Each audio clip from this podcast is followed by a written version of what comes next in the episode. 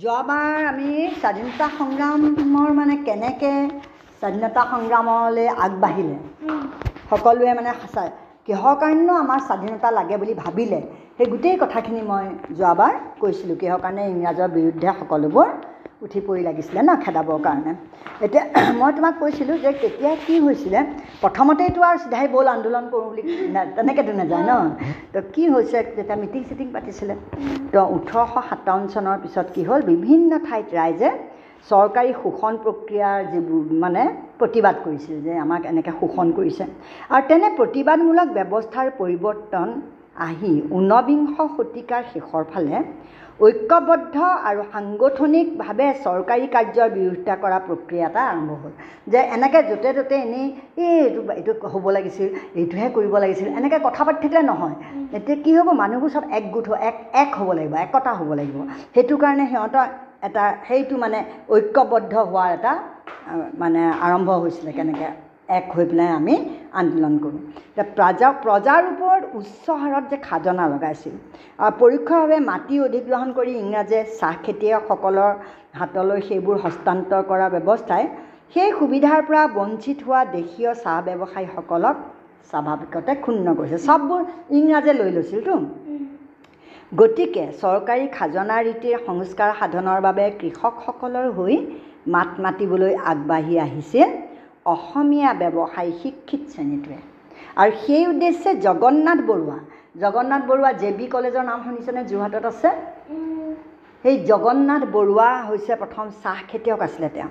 আৰু তেওঁৰ তত্বাৱধানত কি হ'ল? ওঠৰশ পঁয়সত্তৰৰ পৰা ওঠৰশ চৌৰাশী চনৰ ভিতৰত যোৰহাটত গঠন কৰা হৈছিল যোৰহাট সাৰ্বজনিক সভা। তেওঁ যোৰহাটৰ আছিলে? জগন্নাথ বৰুৱা আৰু তেওঁৰ আণ্ডাৰতেই তেওঁৱেই নেতৃত্ব লৈ পেলাই যোৰহাট সাৰ্বজনিক সভাখন গঠন কৰিছিল। আৰু ওঠৰশ বিৰান্নব্বৈ চনত সেই সভাৰ তৰফৰ পৰা স্থানীয় লোকৰ নিয়োগৰ ওপৰত জোৰ দি চৰকাৰৰ ওচৰত কি কৰিছিলে? আবেদন কৰিছিল যে স্থানীয় লোককহে সকলোবোৰ কামতে স্থানীয় লোকক কি কৰিব লাগে? নিয়োগ কৰিব লাগে। স্থানীয় লোকক চাকৰি দিব লাগে। আৰু ওঠৰশ চৌৰাশী চনত স্থাপন হয় তেজপুৰ ৰায়ত সভা। এইটোতো যোৰহাটত হৈছিলে। এতিয়া তেজপুৰতো কি হ'ল? ৰায়ত সভা স্থাপন হ'ল। আৰু এই সভাৰ গুৰিত আছিল হৰিবিলাস আগৰৱালা লম্বোদৰ বৰা লক্ষীকান্ত বৰকাকতি। এইবোৰ হা? এইসকল আছিলে। আৰু এই সভাই মূলতঃ প্ৰজাৰ ওপৰত বহোৱা উচ্চ হাৰৰ খাজনাৰ কি কৰিছিলে? বিৰোধিতা কৰিছিলে। এইদৰে ওঠৰশ ছয়াশী চনত শ্বিলং এছ'চিয়েশ্যন শ্বিলঙত হৈছিল। সেই সময়ত কি কৰিছিলে? শ্বিলং আমাৰ ৰাজধানী আছিলে অসমৰ আৰু শ্বিলং এছ'চিয়েশ্যন আৰু ক্ৰমে নগাঁও ৰায়ত সভা আপাৰ আছাম এছ'চিয়েশ্যন আদি গঠন হ'ল। আৰু মন কৰিবলগীয়া যে এই সভাবোৰ প্ৰত্যেকেই একোখন স্থানীয় সভাহে আছিল। আৰু এইবোৰে মূলতঃ খাজনা সংগ্ৰহ ব্যৱস্থাকে ধৰি বিভিন্ন চৰকাৰী কাৰ্যৰ সংস্কাৰ বিচাৰিছিল। তেওঁলোকে মানে সেই এই সভাবিলাকে কি কৰিছিলে? ইংৰাজসকলক খেদি খেদাৰ কথাটো তেতিয়া ভবা নাছিলে। তেতিয়া সংস্কাৰ বিচাৰি আছিলে। আমাৰ আমাৰ মানুহক নিয়োগ কৰিব লাগে এই এনেকুৱাবোৰ হৈছিলে। এতিয়া ওঠৰশ পঁচাশী চনত সৰ্বভাৰতীয় অনুষ্ঠান ইণ্ডিয়ান নেশ্যনেল কংগ্ৰেছ বা ভাৰতীয় জাতীয় কংগ্ৰেছ গঠন হ'ল। সেইটো গোটেই সৰ্বভাৰতীয় হিচাপে হ'ল। আৰু ভাৰতৰ স্বাধীনতা সংগ্ৰামৰ বুৰঞ্জীত জাতীয় কংগ্ৰেছৰ জন্ম এটা গুৰুত্বপূৰ্ণ ঘটনা। এই যে জাতীয় কংগ্ৰেছৰ জন্ম হ'ল সেইটো কাৰণ সেই কংগ্ৰেছেই কি কৰিছিলে গোটেই স্বাধীনতা আন্দোলনটো লিড লৈছিলে নেতা নেতৃত্ব কৰিছিলে কাৰণ বিভিন্ন সংগঠন আৰু নানান ৰাজনৈতিক দৰ্শনৰ মাধ্যমেৰে ভাৰতীয় লোকে স্বাধীনতা লাভৰ সংগ্ৰাম চলাইছিল যদিও মূলতঃ জাতীয় কংগ্ৰেছৰ জৰিয়তেহে দেশে স্বাধীনতা লাভ কৰিবলৈ সমৰ্থ হয় আৰু মনত ৰাখিব লাগিব যে ভাৰতীয় জনগণৰ ক্ৰমে বৃদ্ধি পাই অহা বিদ্ৰোহী মনোভাৱৰ উমান পাই কূটনীতিজ্ঞ ইংৰাজসকলে উপলব্ধি কৰিছিল যে সৰ্বভাৰতীয় স্তৰৰ এক শক্তিশালী চৰকাৰ ভক্ত ভাৰতীয় ৰাজনৈতিক অনুষ্ঠানৰ মাধ্যমেদিহে তেওঁলোকৰ খুব নিৰ্বাপিত কৰাটো সম্ভৱ হ'ব।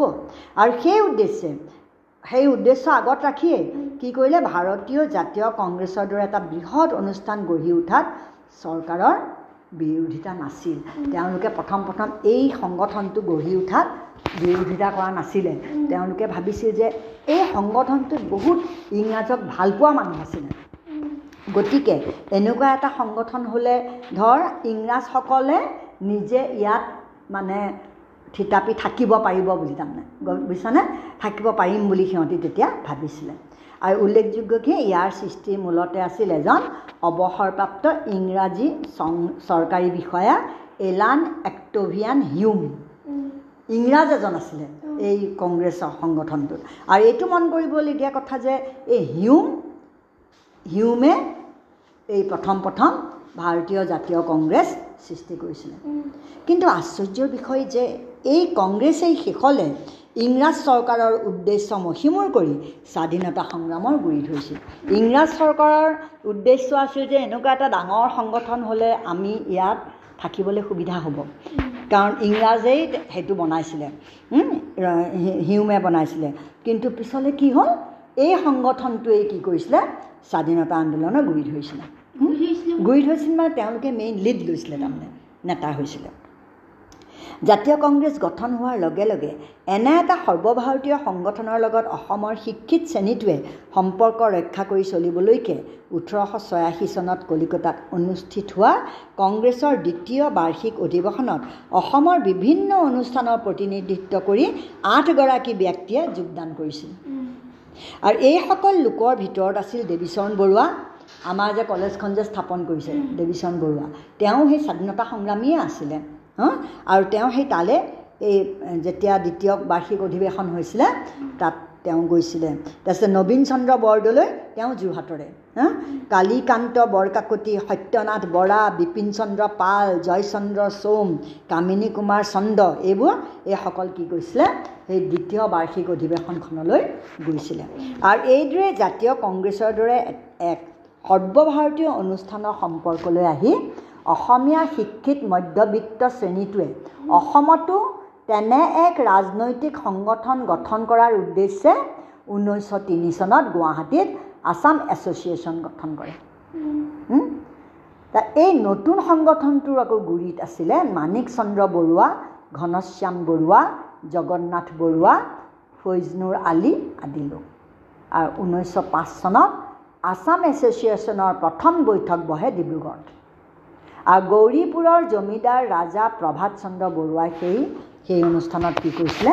সভাপতিত্ব কৰিছিলে। আছাম এছ'চিয়েশ্যন গঠনৰ প্ৰথম দুটা দশকত ই অসমীয়া ৰাইজৰ প্ৰবক্তাৰ দৰে কাম কৰিলেও মূলতঃ ইয়াৰ সদস্যসকলে মধ্যবিত্ত শ্ৰেণীৰ স্বাৰ্থ ৰক্ষা কৰিহে অসমীয়াৰ আশা আকাংক্ষা পূৰণৰ দাবীসমূহ চৰকাৰৰ ওচৰত দাখিল কৰিছিল। তেতিয়াও এইটো এই এছ'চিয়েশ্যনটোৱে প্ৰথমতেই ইংৰাজ বিৰোধী নাছিল। গম পাইছা? তাৰপিছত কি কৈছিল তেওঁলোক আছিল মূলতঃ নৰমপন্থী হা? আৰু আবেদন নিবেদনৰ জৰিয়তেই ৰাইজৰ দাবী পূৰণ কৰিবলৈ তেওঁলোকে চেষ্টা কৰিছিলে আবেদন কৰি পেলাই। কিন্তু মাণিক চন্দ্ৰ বৰুৱা ঘনশ্যাম বৰুৱা ফণীধৰ চলোৱা চলিহা তৰুণৰাম ফুকন নবীন চন্দ্ৰ বৰদলৈ আদি প্ৰায়সকল সদস্যই পিছলৈ কি হৈছিল? বিধান পৰিষদৰো সদস্য হোৱাত এহাতে তেওঁলোকে যেনেকৈ সদনত প্ৰজাৰ সমস্যাবোৰ উত্থাপন কৰিবলৈ সুবিধা পাইছিল আনহাতে তেনেকৈ তেওঁলোকো সাংবিধানিক নীতি নিয়মৰো বাহিৰলৈ যাব নোৱাৰিছিল। তাৰপিছতে তেতিয়া মানে এটা মানে কি কৰিছিলে এটা চৰকাৰ এটা এনেই দেখুৱাবৰ কাৰণে ইংৰাজে গঠন কৰি থৈছিলে। গম পাইছা? কিন্তু প্ৰথম বিশ্বযুদ্ধৰ সময়ৰ পৰা আছাম এছ'চিয়েশ্যনতো প্ৰগতিশীল ৰাজনৈতিক চিন্তাৰ দুই এজন সদস্য সোমাইছিল আৰু হোম ৰুল বা স্বদেশী আন্দোলনত সমৰ্থন দিয়াৰ উপৰিও এইসকল সদস্য ৰাওলাট আইন আৰু জালিয়ানৱালাবাগৰ হত্যাকাণ্ডৰো তীব্ৰ প্ৰতিবাদ কৰি চৰকাৰক কি কৰিছিল? সমালোচনা কৰিছিল। জালিয়ানৱালা বাগৰ হত্যাকাণ্ড জানান নাই তোমালোকে? নেজানা নহয় এইটো হৈছিলে জালিয়ানৱালা বাগ আছে অমৃতসৰত ন? পঞ্জাৱত। তাত মানে কি হৈছিলে এখন মিটিং হৈছিলে ৰঙালী বিহুৰ দিনা আমাৰ বহাগ বিহুৰ সময়ত। আৰু বহাগ বিহুৰ আগদিনাখন তেৰ তাৰিখে। সেইদিনাখন ডাঙৰ এখন মিটিং হৈছিলে আৰু ইংৰাজে ইংৰাজৰ বিৰুদ্ধে মিটিংখন হৈছিল। তো সেই মিটিংখনৰ কথা যেতিয়া গম পালে ইংৰাজে তেতিয়া জেনেৰেল ডায়াৰ বুলি এজন আছিলে সেনাপতি তেওঁ কি কৰিলে? তাত মানে এখনেই গেট আছিলে। মানুহ ওলোৱা সোমোৱা কৰিব পৰা। সেই গেটখন বন্ধ কৰি পেলাই কি কৰিলে? ফায়াৰ বুলি কৈ দিলে।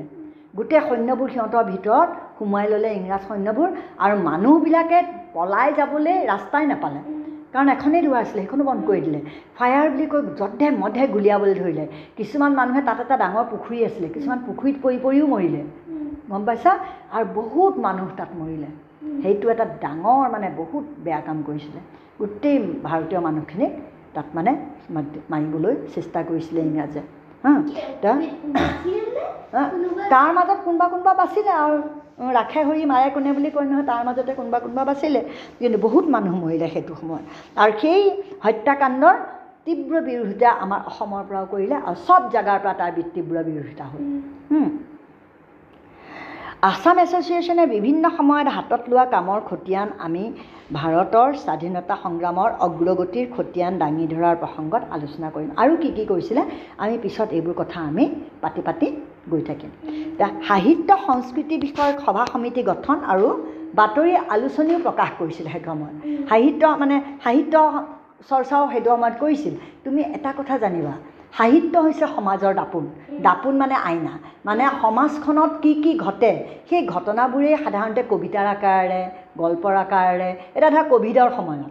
বহুত ক'ভিডৰ ওপৰত গল্প ওলালে বহুত কবিতাৰ ওপৰত কবিতা ওলালে নাটক ওলালে হয় নহয়? তাৰমানে সাহিত্যই কি কৰে সমাজখনত সেইটো সময়ত ঘটি থকা ঘটনাবিলাকৰ ওপৰত সকলো কথা প্ৰকাশ কৰে আৰু সেই সাহিত্যবোৰ পিছত মানুহে পঢ়িলে সেই সময়তনো কি হৈছিলে সেই কথাবোৰ গম পায় বুজিছা? আৰু এতিয়া স্বাধীনতা সংগ্ৰামৰ এই অগ্ৰগতি যে অকল ৰাজনৈতিক সংগঠনসমূহৰ যোগেদিয়ে হৈছিল তেনে নহয় ইয়াৰ প্ৰচাৰ আৰু প্ৰসাৰণত সাহিত্য সংস্কৃতিমূলক সভা সমিতি আৰু বাতৰি আলোচনীৰ মাধ্যমেদিও সাধিত হৈছিল। বাতৰিবিলাকতো ওলাই নহয়। বাতৰিবিলাকত এতিয়া কি কি হৈছিলে? এতিয়া ক'ভিডৰ সময়ত কি কি হৈছিলে? চব ওলাইছিল নাই? হা? এতিয়া ধৰা ক'ৰবাত জুই লাগিছে সেইবোৰ ওলাইছে হা, কিমান মানুহ মৰিছে সেইবোৰ ওলাইছে। এতিয়া সেইটো সময়ৰ এতিয়া এই কাগজবোৰ যেতিয়া পিছত ডাঙৰ তোমালোকৰ বহুত তোমালোকৰ নাতি নাতিনীয়ে পঢ়িলে তেতিয়া গম পাই যাব যে এই সময়ত কি কি হৈছিলে হা? সেই গতিকে সেই বাতৰি কাগজবোৰো তাৰমানে বুৰঞ্জীৰ এটা আমাৰ বুৰঞ্জীৰ এটা আহিলা তাৰমানে বুৰঞ্জীবোৰ জানিবৰ কাৰণে। অঁ। অঁ। সেইটোৱে। এতিয়াতো সেইটো এটা সুবিধাই নহয় ইউটিউবত চাব পাৰি। যে এই ওঠৰশ বাসত্তৰ চনত কলিকতাত স্থাপন হোৱা অসমীয়া সাহিত্য সভা। ওঠৰশ পঁচাশী চনত অসম দেশ হিতৈষিনী সভা।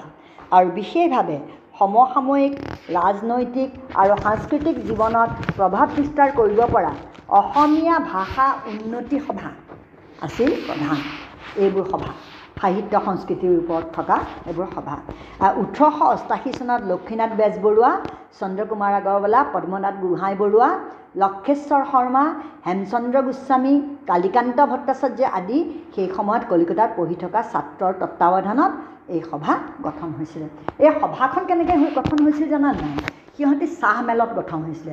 সিহঁতি চাহ মেল মানে এই লক্ষ্মীনাথ বেজবৰুৱাহঁত হোষ্টেলত আছিলে। মানে হোষ্টেলত নহয় মানে সেইটো বহা বুলি কয়। সৰু সৰু পি জি আজিকালি যে কয় যে পেইন গেষ্ট থাকে নহয়। মানে পইচা দি পেলাই কাৰোবাৰ কাৰোবাৰ ঘৰত থাকে যে। সেই তেনেকুৱা মানে। ছাত্ৰৰ বহা আছিলে। বহা বুলি কয় এতিয়া। এতিয়া সিহঁতি কি কৰিলে চাহৰ মেল মানে একেলগে বহি পেলাই চাহ খাই যায়। সেই চাহৰ মেলতেই মানে এই অসম উন্নতি অসমৰ মানে উন্নতি সাধিনী সভাখন গঠন হৈছিলে। অভা উষা বুলি কয়। অসমীয়া ভাষা উন্নতি সাধিনী সভা। কাৰণ কলিকতাত মানে সিহঁতি দেখিলে যে গোটেই তেতিয়া অসমত বঙালী ভাষা প্ৰচাৰ হৈছিলে স্কুলবিলাকতো বঙালী ভাষা প্ৰচাৰ হৈছিলে। তো এইবোৰ কেনেকৈ তেতিয়াতো আমাৰ অসমীয়া ভাষাটো নাইকিয়া হৈ যাব। তেতিয়া সেই ছাত্ৰ অৱস্থাত তেওঁলোকে সেইটো কথা ভাবিছিলে। ভাবি পেলাই প্ৰথম প্ৰথম সেই সভাখন গঠন কৰি পেলাই সিহঁতি কি কৰিছিলে সিহঁতি মেগাজিন উলিয়াইছিলে ধৰা। বাঁহী জোনাক জোনাকী এইবোৰ হা। আৰু সেইবোৰ নাম তাৰমানে সেইবোৰ নাম তাৰমানে। তাত তাৰমানে কবিতা চবিতা ওলাইছিলে হা? চবকে কয় যে এটা কবিতা লিখিবই লাগিব। যেনেকুৱাই হওক লিখিব লক্ষ্মীনাথ বেজবৰুৱাহঁত আছিলে সিহঁতি সেইবোৰ উলিয়াইছিলে। আৰু ধৰা আমাৰ ভাষাটো যাতে বেয়া নহয় সেইবোৰো সিহঁতি ভালকৈ চাইছিলে কোনোবাই ভুলকৈ লিখিছে যদি আকৌ শুদ্ধ কৰিছিলে এই গোটেইখিনি মানে কাম কৰিছিলে। আৰু গোটেইখিনি সেই গোটেইখিনি কাম কৰোঁতে অসমীয়া ভাষাটো যে এটা বেলেগ ভাষা সেই কথাটো সিহঁতি ক'বলৈ চেষ্টা কৰিছিলে যে অসমীয়া ভাষাটো বঙালীৰ লগত একে নহয়। যদিও তাৰ আখৰবোৰ একে হ'ব পাৰে লিপি একে হ'ব পাৰে কিন্তু একে নহয় তাৰমানে বস্তু কিন্তু কোৱাটো একে নহয়। কোৱাটোতো একে নহয় গতিকে সেইখিনি তেওঁলোকে বহুত চেষ্টা কৰিছিলে।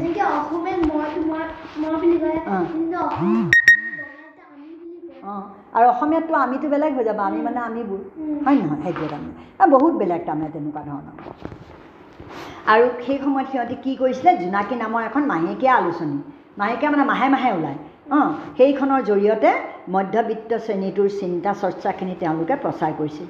ইয়াৰ উপৰি ওঠৰশ এসত্তৰ চনত আসাম বিলাসিনী ওঠৰশ অষ্টাশী চনত আছাম বন্ধু ওঠৰশ একানব্বৈ চনত বিজুলী ওঠৰশ ছয়াশী চনত প্ৰকাশ হোৱা মৌ আদি অসমীয়া বাতৰি কাকতৰ উপৰি কেইবাখনো ইংৰাজী আৰু বঙালী বাতৰি কাকত প্ৰকাশ কৰি স্বাধীনতা সংগ্ৰামৰ বাতৰি প্ৰচাৰ কৰা হৈছিলে।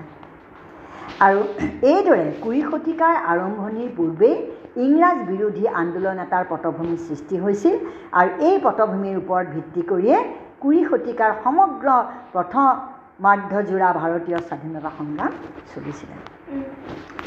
আৰু সেই সময়ত এটা ডাঙৰ ঘটনা হৈছিলে। কি হৈছিলে? বংগভংগ বা স্বদেশী আন্দোলন। বংগভংগ মানে সেইটো সময়ত। নহয় নহয়। সেইটো সময়ত কি হৈছিলে? ভাৰতৰ প্ৰায় সকলো ঠাইতে বিশেষকৈ বংগদেশত জাতীয়তাবাদী ধ্যান ধাৰণাৰ দ্ৰুত বিকাশ ঘটাত বিশেষকৈ এই কলিকতা পশ্চিমবংগত মানে বিশেষকৈ মানে সকলোবোৰে মানে স্বাধীনতা আন্দোলনত মানে আগ্ৰহ আছিলে। মানে মানে ব্ৰিটিছক খেদিব লাগে। সেই সেই কথাটোত পশ্চিমবংগ মানে আগ্ৰহ আছিলে। তো এতিয়া ইংৰাজৰ কি আছিলে? ডিভাইড এণ্ড ৰুল যে মানুহবিলাকক ভাগ ভাগ কৰি পেলাই আমি সিহঁতক শাসন কৰিম। ভাগ ভাগ কৰি দিলে সিহঁতি এক এক হ'লে সিহঁতৰ জোৰটো বেছি হ'ব আৰু একতা হৈ নাথাকিলে জোৰটো নাথাকিব। এতিয়া সিহঁতি কি কৰিলে? জাতীয়বাদী ধাৰণাটো যেতিয়া দেখিলে বংগদেশত আটাইতকৈ বেছি হৈছে তেতিয়া ভাইচৰয় লৰ্ড কাৰ্জনে বংগদেশখনক বিভাজন কৰি বংগদেশীয় জাতীয়তাবাদীসকলৰ শক্তি হ্ৰাস কৰিব বিচাৰিলে। নাইকিয়া কৰিব বিচাৰিলে। আৰু চৰকাৰে ভাবিছিল যে বংগদেশক বিভক্ত কৰি মুছলমান প্ৰধান অঞ্চলখিনি অসমৰ লগত সংযুক্ত কৰি দিলে তাৰ জাতীয়তাবাদীসকল দুৰ্বল হৈ পৰিব। আৰু সেই উদ্দেশ্যে তদানীন্তন অসমৰ চিফ কমিশ্যনাৰ ফুলাৰে ফুলাৰ আকৌ দেই তেওঁৰ নামটো অসমীয়া মধ্যবিত্ত শ্ৰেণীটোক বঙালী মধ্যবিত্ত শ্ৰেণীটোৰ বিৰুদ্ধে উচতনি দিছিলে। ইতিমধ্যে অসমৰ ইউৰোপীয় চাহ খেতিয়কসকলে অসমক চট্টগ্ৰামৰ লগ লগাই তালৈকে এটা জলপথ মুকলি কৰাৰ বাবে চৰকাৰৰ ওচৰত আবেদন জনাইছিল। চট্টগ্ৰাম এতিয়া ক'ত আছে? বাংলাদেশত আছেগৈ। তাৰপিছতে কি কৰিছিলে? এনেবোৰ কাৰণতে ঊনৈছশ পাঁচ চনৰ বিছ জুলাইৰ দিনা ভাইচৰয় কাৰ্জনে বংগদেশক দুটা ভাগত ভাগ কৰি পূব ভাগক অসমৰ লগত সংলগ্ন কৰি পূৰ্ববংগ আৰু অসম নামেৰে এখন নতুন প্ৰদেশ গঠন কৰাৰ সিদ্ধান্ত কৰিলে। আৰু ইয়াৰ ৰাজধানী পতাৰ সিদ্ধান্ত হ'ল ঢাকা। আৰু চিফ কমিশ্যনাৰ মিষ্টাৰ ফুলাৰে এই প্ৰদেশখনৰ প্ৰথম লেফটেনেণ্ট গভৰ্ণৰ হৈ থকাৰ সিদ্ধান্ত হ'ল। হয়? ঢাকাই হয় অঁ। কিন্তু সেই সময়তো মানে অসম পূৰ্ববংগ মানে এই ঢাকা মানে বাংলাদেশখিনি এই গোটেইখিনি একেলগ কৰি পেলাই সিহঁতি ঢাকাত ৰাজধানী পাতি পেলাই পাতিব বিচাৰিছিলে হা? আৰু বংগ বিভাজন সিদ্ধান্তৰ ঘোষণাৰ লগে লগে সমগ্ৰ ভাৰতবৰ্ষতে ইয়াৰ তীব্ৰ প্ৰতিবাদ আৰম্ভ হ'ল। আনহে নালাগে এই বিভাজন পৰিকল্পনা কৰোঁতেই ঊনৈছশ চাৰি চনত বহা জাতীয় কংগ্ৰেছৰ মুম্বাইৰ অধিৱেশনৰ পৰা ইয়াৰ বিৰোধিতা কৰা হৈছিল। হা সেই সময়ত মুম্বাইত কি হৈছিলে এই অধিৱেশন হৈছিলে আৰু তাৰ পৰাই কংগ্ৰেছসকলে বিৰোধিতা কৰিছিল। আৰু বংগদেশত এমুঠিমান ব্যৱসায়ী মুছলমান জনসাধাৰণ বুদ্ধিজীৱী আৰু জমিদাৰৰ বাহিৰে সকলো শ্ৰেণীৰ লোকে ইয়াৰ বিৰোধিতা কৰিলে। অসমতো এই কাৰ্যৰ বিৰুদ্ধে তীব্ৰ আন্দোলন হ'ল। জগন্নাথ বৰুৱা আৰু মাণিক চন্দ্ৰ বৰবৰুৱাৰ বাহিৰে যোৰহাট সাৰ্বজনিক সভা আছাম এছ'চিয়েশ্যন আদি অনুষ্ঠানৰ সদস্যসকলে এই বিভাজনৰ সমালোচনা কৰিলে। তেওঁলোকে সন্দেহ কৰিছিল যে এই বিভাজনৰ ফলত অসম নামটোৰ বিলুপ্তি ঘটাৰ উপৰি ভৱিষ্যতে অসমীয়া ভাষা তিষ্ঠি থকাটো জটিল হৈ পৰিব। আৰু ৰাজধানী ঢাকালৈ স্থানান্তৰ হোৱাৰ বাবে দেশৰ উন্নয়নমূলক কাম কাজতো বাধা পৰিব। এনেদৰে প্ৰতিবাদ কৰি উঠাসকলৰ ভিতৰত অন্যতম প্ৰধান ব্যক্তি আছিল পদ্মনাথ গোহাঁই বৰুৱা আৰু শিলচৰৰ পৌৰ নিগমৰ উপাধ্যক্ষ কামিনী কুমাৰ চন্দ্ৰ। এই দুজনে আটাইতকৈ বেছি পদ্মনাথ গোহাঁই বৰুৱা আৰু কামিনী কুমাৰ চন্দ্ৰই প্ৰতিবাদ কৰিছিলে বিশেষভাৱে। ঊনৈছশ পাঁচ চনৰ সাত আগষ্ট তাৰিখে বংগ বিভাজনৰ তীব্ৰ প্ৰতিবাদ কৰি কলিকতাত আন্দোলন আৰম্ভ হয় আৰু সুৰেন্দ্ৰনাথ বেনাৰ্জী বিপিন চন্দ্ৰ পাল বাল গংগাধৰ তিলক লাজপত ৰয় আদি সেই সময়ত তিলক অঁ শুনিছা আকৌ? স্বাধীনতা সংগ্ৰামী কেলৈ নুশুনিবা? আদি এই সেই সময়ৰ বিশিষ্ট কংগ্ৰেছী নেতাসকলৰ হাতত ই ততালিকে এক সৰ্বভাৰতীয় আৰু স্বদেশী আন্দোলনলৈ পৰিণত হ'ল। আৰু আন্দোলনকাৰীসকলে ভাৰতত ব্ৰিটিছ শাসনৰ উৰ পেলোৱাৰ উদ্দেশ্যে বিদেশী বস্তু বৰ্জন কৰি স্বদেশী দ্ৰব্য ব্যৱহাৰ কৰিবলৈ কৈছিল আৰু জাতীয় শিক্ষা প্ৰচলনৰ সিদ্ধান্ত লৈছিল। যে এইবোৰ ইংৰাজী ভাষাৰ প্ৰচলন নহ'ব ইংৰাজী ভাষাৰ শিক্ষাৰ প্ৰচলন নহ'ব জাতীয় ভাষাৰ প্ৰচলন কৰিব লাগে আৰু ইংৰাজৰ যিবোৰ বিদেশী যিবোৰ বস্ত্ৰ যিবোৰ কাপোৰ সেই সকলো কাপোৰ জ্বলাই দিব লাগে আৰু স্বদেশী কাপোৰ পিন্ধিব লাগে। দম দম কাপোৰ তেতিয়া জ্বলাই দিছিল ফেক্টৰী কাপোৰবোৰ। বঙালী ইংৰাজীৰো কাপোৰ আছিলে? ইংৰাজৰ মানে ফেক্টৰী কাপোৰবোৰ আমাৰতো ইয়াত তাঁততহে বয়। বঙালী আৰু অন্যান্য ভাৰতীয় নেতাসকলে হাতত লোৱা কাৰ্যসূচীৰ অনুকৰণত অসমতো বৰাক আৰু ব্ৰহ্মপুত্ৰ দুই উপত্যকাতে হিন্দু মুছলমান উভয়ে বংগ বিভাজনৰ বিৰোধিতা কৰে। বিভাজনৰ কাৰ্যকৰী কৰা ষোল্ল অক্টোবৰৰ দিনটোত ধুবুৰী আৰু ডিব্ৰুগড়ত ৰাজহুৱা সভা পাতি বন্দে মাতৰম আৰু আল্লাহু আকবৰ ধ্বনি দি প্ৰতিবাদ কৰা হয়। আকবৰ মানে হেৰিবিলাকে কৰিছিলে মুছলিমখনে ইতিমধ্যে আন্দোলনৰ গুৰি ধৰিবলৈ বাল গংগাধৰ তিলক বিপিন চন্দ্ৰ পাল অৰবিন্দ ঘোষ আদি চৰমপন্থী লোকসকল আগবাঢ়ি আহিছিল আৰু তাৰ লগে লগে আন্দোলনৰ চৰিত্ৰও ক্ৰমে পৰিৱৰ্তন হৈ গৈছিল। আৰু স্বদেশী বস্তু ব্যৱহাৰ আৰু বিদেশী বস্তু বৰ্জনৰ উপৰি চৰকাৰী চাকৰি চৰকাৰী স্কুল কাছাৰী কলেজৰ আদিৰ পৰা বিৰত থাকি চৰকাৰৰ কোনো কাৰ্যৰ লগত সহযোগ নকৰিবলৈও প্ৰচাৰ অভিযান কৰিছিল। অসহযোগ আন্দোলন হৈছিল তাৰমানে। গান্ধীজী পোন্ধৰ চনত আহি আহিছিল। এইদৰে বংগ ভংগ আন্দোলনৰ সীমিত পৰিসীমা পাৰ হৈ এই আন্দোলনেই সৰ্বপ্ৰথম ৰাজনৈতিক স্বাধীনতাৰ দাবীৰে এক সৰ্বভাৰতীয় আন্দোলনত পৰিণত হয়। তেনেকুৱা নহয় আমাক ৰাজনৈতিকভাৱেও স্বাধীন হ'ব লাগিব। উল্লেখ্য যে আন্দোলনৰ মূল দাবীবোৰৰ লগতে চৰমপন্থী নেতাসকলৰ প্ৰভাৱো অসমলৈ বিয়পি পৰিল। সেই সময়ত অম্বিকাগিৰি ৰায়চৌধুৰী ত্ৰিগুণা বৰুৱা ৰক্তিম বৰা আদি অসমৰ চৰমপন্থী নেতা আছিল। আৰু অম্বিকাগিৰি ৰায়চৌধুৰীয়ে সেৱা সংঘ নামৰ এটা সংগঠন খোলাৰ উপৰি বন্দিনী ভাৰত নামৰ এখন নাটক লিখি উলিওৱাৰ বাবে ঊনৈছশ পোন্ধৰ চনত পৰ্যন্ত তেওঁ পুলিচৰ নজৰবন্দী হৈ থাকিব লগা হৈছিল। এই ঊনৈছশ পোন্ধৰ চনতে গান্ধীজী আহিছিলে। বৰাক উপত্যকাটো চৰমপন্থীসকলে যথেষ্ট অগ্ৰগতি লাভ কৰিছিল আৰু এই অগ্ৰগতিৰ মূলতে আছিল বিপিন চন্দ্ৰ পাল।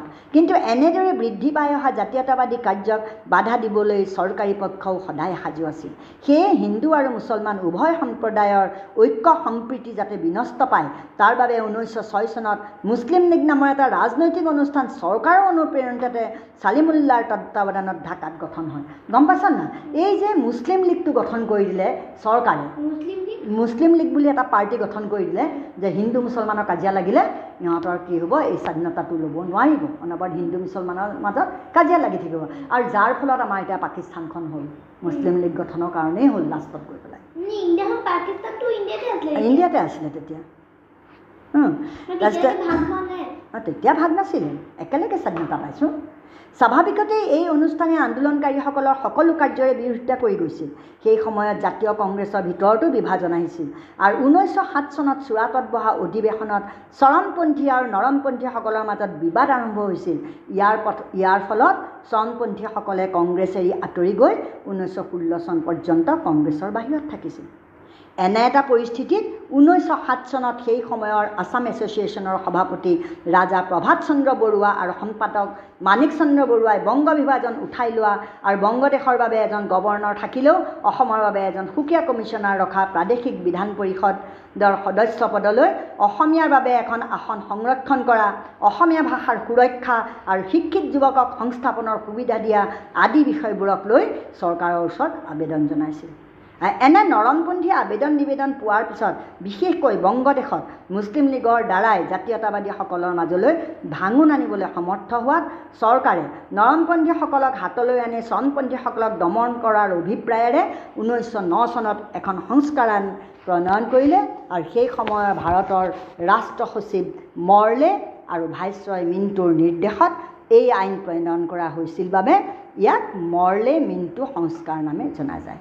এইদৰে আন্দোলনকাৰীসকলে বিশেষ সফলতা লাভ কৰিব নোৱাৰিলে যদিও বংগভংগ আৰু স্বদেশী আন্দোলনৰ ইমানতে অন্ত পৰিছিলে। গতিকে আজি আমি এইখিনিলৈকে ক'লোঁ বংগভংগ আন্দোলনৰ অন্ত পৰালৈকে। ইয়াৰ পিছত আমি মৰ্লেমেণ্টু সংস্কাৰ আৰু অসম এই বিষয়ে আমি অহাবাৰকৈ আকৌ ক'ম। তেতিয়াহ'লে আমি এতিয়া কি কৰিম? শুনা শুনা ভাই অসম বুৰঞ্জী অসমৰ ইতিহাস তোমাৰ চিনাকি নিজৰ চিনাকি নেপাহৰিবা। বিশ্বৰ আগত মূৰ তুলি ৰবা। শুনা শুনা ভাই অসম বুৰঞ্জী।